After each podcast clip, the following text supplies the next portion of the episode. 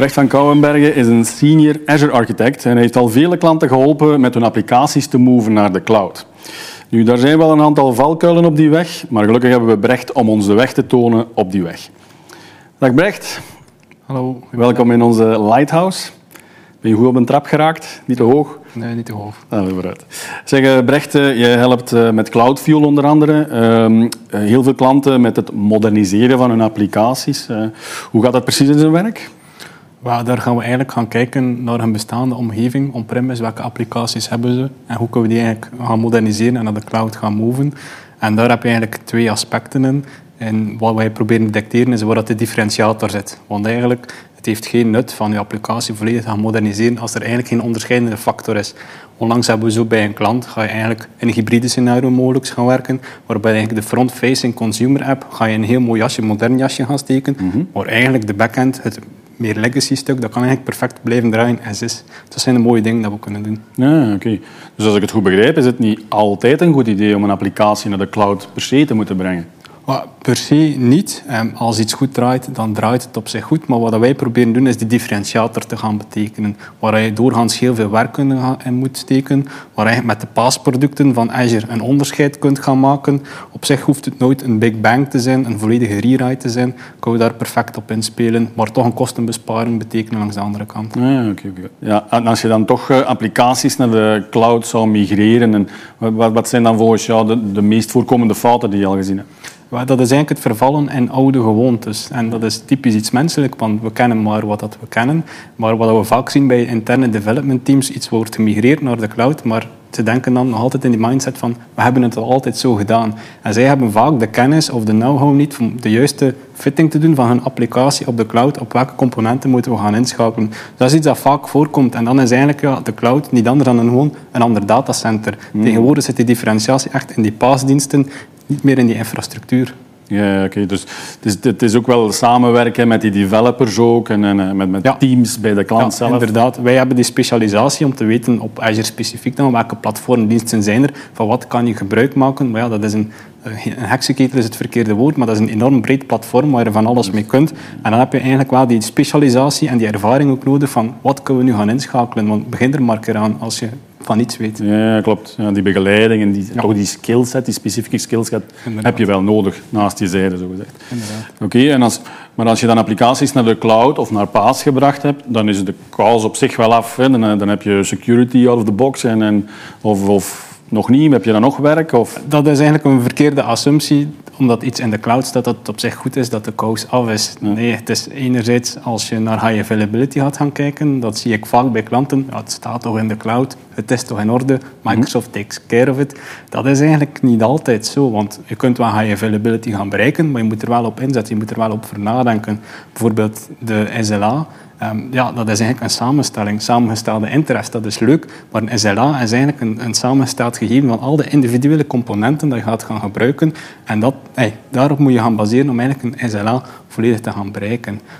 High availability is perfect mogelijk, maar dan moet je gaan kijken naar multi-region failovers. En daarbij kunnen wij dan helpen om te kijken, ja, wat is er nu bedrijfskritisch, waar moet je nu eigenlijk echt op gaan inzetten. Ja, ja, ja. Ja, dus aan de technische kant zijn er inderdaad wel een aantal valkuilen waar je nog wat rekening moet houden meer naar het leiderschap of naar de business toe, laat ons zeggen. Zijn daar nog valkuilen die, die je in het oog moet hebben als je aan dat denkt? Inderdaad, um, dat is on-premise was eigenlijk die, die boodschap redelijk duidelijk van verantwoordelijkheden. Enerzijds heb je systeembeheer, de eh, typische IT-verhaal van wij dragen zorg, dragen zorg voor de infrastructuur. Anderzijds heb je de application developers, ja, wij maken de software en wij zorgen dat die goed draait. In de cloud is dat een ander verhaal, heb je daar meer die gedeelde verantwoordelijkheid. Wat dat niet wil zeggen dat de rol van de systeembeheerder dat die weg is, maar die krijgt eigenlijk een andere invulling. En daar gaan we meer naar het Azure Governance aspect gaan kijken, waar je toch bepaalde krijtlijnen kunt gaan uittekenen waar dat de developers tussen moeten kleuren, zonder dat je hun velocity eigenlijk wegneemt. En dat is eigenlijk meer de nieuwe rol van de systeembeheerder, waar dat wij ook weer op kunnen bij gaan helpen. Hoe ga je eigenlijk die krijtlijnen gaan uitzetten? Hè? Ja, ja, ja. Ja, inderdaad. Het is altijd zo die balansoefening van inderdaad. niet te veel... Uh, maar ook je moet wel verantwoordelijkheden gaan definiëren, want anders ja, komt het niet altijd goed. Nee, nee klopt, klopt, klopt. Dus uh, het is inderdaad uh, even opletten welke R van Gartner dat je op die applicatie, in je applicatielandschap gaat, gaat plakken. Daar moet je toch even goed Inderdaad, inderdaad. En anderzijds, omdat je de vraag stelde, waar moeten IT-managers, waar moeten ze eigenlijk op gaan inzetten? Dus enerzijds het, het governance-leuk, zeer zeker. Maar eigenlijk ook het aspect van, ik vergelijk vaak de cloud met een, met een tuin. Ehm, ja, je moet er wel zorg voor dragen. In de zin van, oké, sommige dingen blijven leven, maar af en toe moet je dan een beetje water geven, want anders ja, dan, dan gaat die dood en moet je opnieuw beginnen aanleggen. En dat zien we eigenlijk vaak. het verhaal is nooit ten einde is IT, het is software, daar zit een evolutie in. Hmm. En daar moet je eigenlijk iedere keer op gaan inzetten, eigenlijk de juiste componenten gaan, gaan identificeren van oké, nu moeten we wel mee met de volgende versie, met de volgende release. Maar wat ik vaak merk bij development teams intern, ja, die krijgen zware druk vanuit de business. Het moet vooruit gaan. Het is normaal, er moet opgeleverd worden. En dat staat eigenlijk los van cloud, maar dat is eigenlijk door die druk dat ze eigenlijk minder de kans krijgen om in te zetten op ja, die nieuwe frameworks, die nieuwe technologie. Ja, en zo, ja, na vijf jaar krijg je, zit je op de duur op een eindig verhaal. Hmm. En daar kunnen wij als partner eigenlijk mee gaan helpen met het juiste advies, zonder dat de development teams daar eigenlijk wakker van moeten liggen. En kun je ook snel schakelen om mee te gaan op die volgende versies. Ja, dus als we dan applicaties naar de cloud moven, eh, ja, de, het hotste topic nog steeds is de dag van vandaag secure zijn. Hè. Security in the cloud, trust in the cloud. Uh, ja, als ik dan met mijn, mijn applicaties naar die paasdiensten ga, ben ik dan ook niet out of the box secure uiteindelijk gedeeltelijk wel, inderdaad. Het is eigenlijk onmogelijk om on-premise te gaan evenaren wat dat zij in de cloud gaan doen. Want dat is eigenlijk hun businessmodel, zowel naar fysieke security als naar software patching. Mm. Maar het is allemaal hoe je er eigenlijk mee omgaat, hoe dat je er eigenlijk op gaat inzetten. Er zijn heel veel paasdiensten, denk maar aan Azure Key Vault Managed Identity, waar je eigenlijk volledig passwordless kunt gaan werken. Maar in de praktijk is die gebruiken ja, niet voor iedereen weggelegd. Daar hebben we ook opnieuw weer die expertise nodig. Wat we in de praktijk vaak zien, is eigenlijk nog altijd hetzelfde, eh, hetzelfde verhaal als vroeger. Ja, publieke poorten die worden opengezet, credentials die in source control worden bewaard, veel te veel rechten die worden verleend aan mensen. Maar het is ook niet evident om daar je weg in te vinden. Yes, yes, yes, yes. Dus wat ons zeggen dat secure uh, developen of secure te werk gaan niet hetzelfde is als een secure platform te gebruiken. Nee, inderdaad. We merken eigenlijk de trend is, ja, nu is eigenlijk de public cloud. Alles is by default toegankelijk. Vroeger had je meer dat on-premise verhaal, was dat iets eenvoudiger om af te schermen. Maar we merken er eigenlijk twee trends in. En dat is eigenlijk, ja, um, identity is de nieuwe perimeter, waar je eigenlijk gaat gaan terugvallen op Azure Active Directory, two-factor authenticatie, dat je kunt gaan aftoetsen, ja, wie ben jij nu, mm -hmm. als, als laatste uh, methode.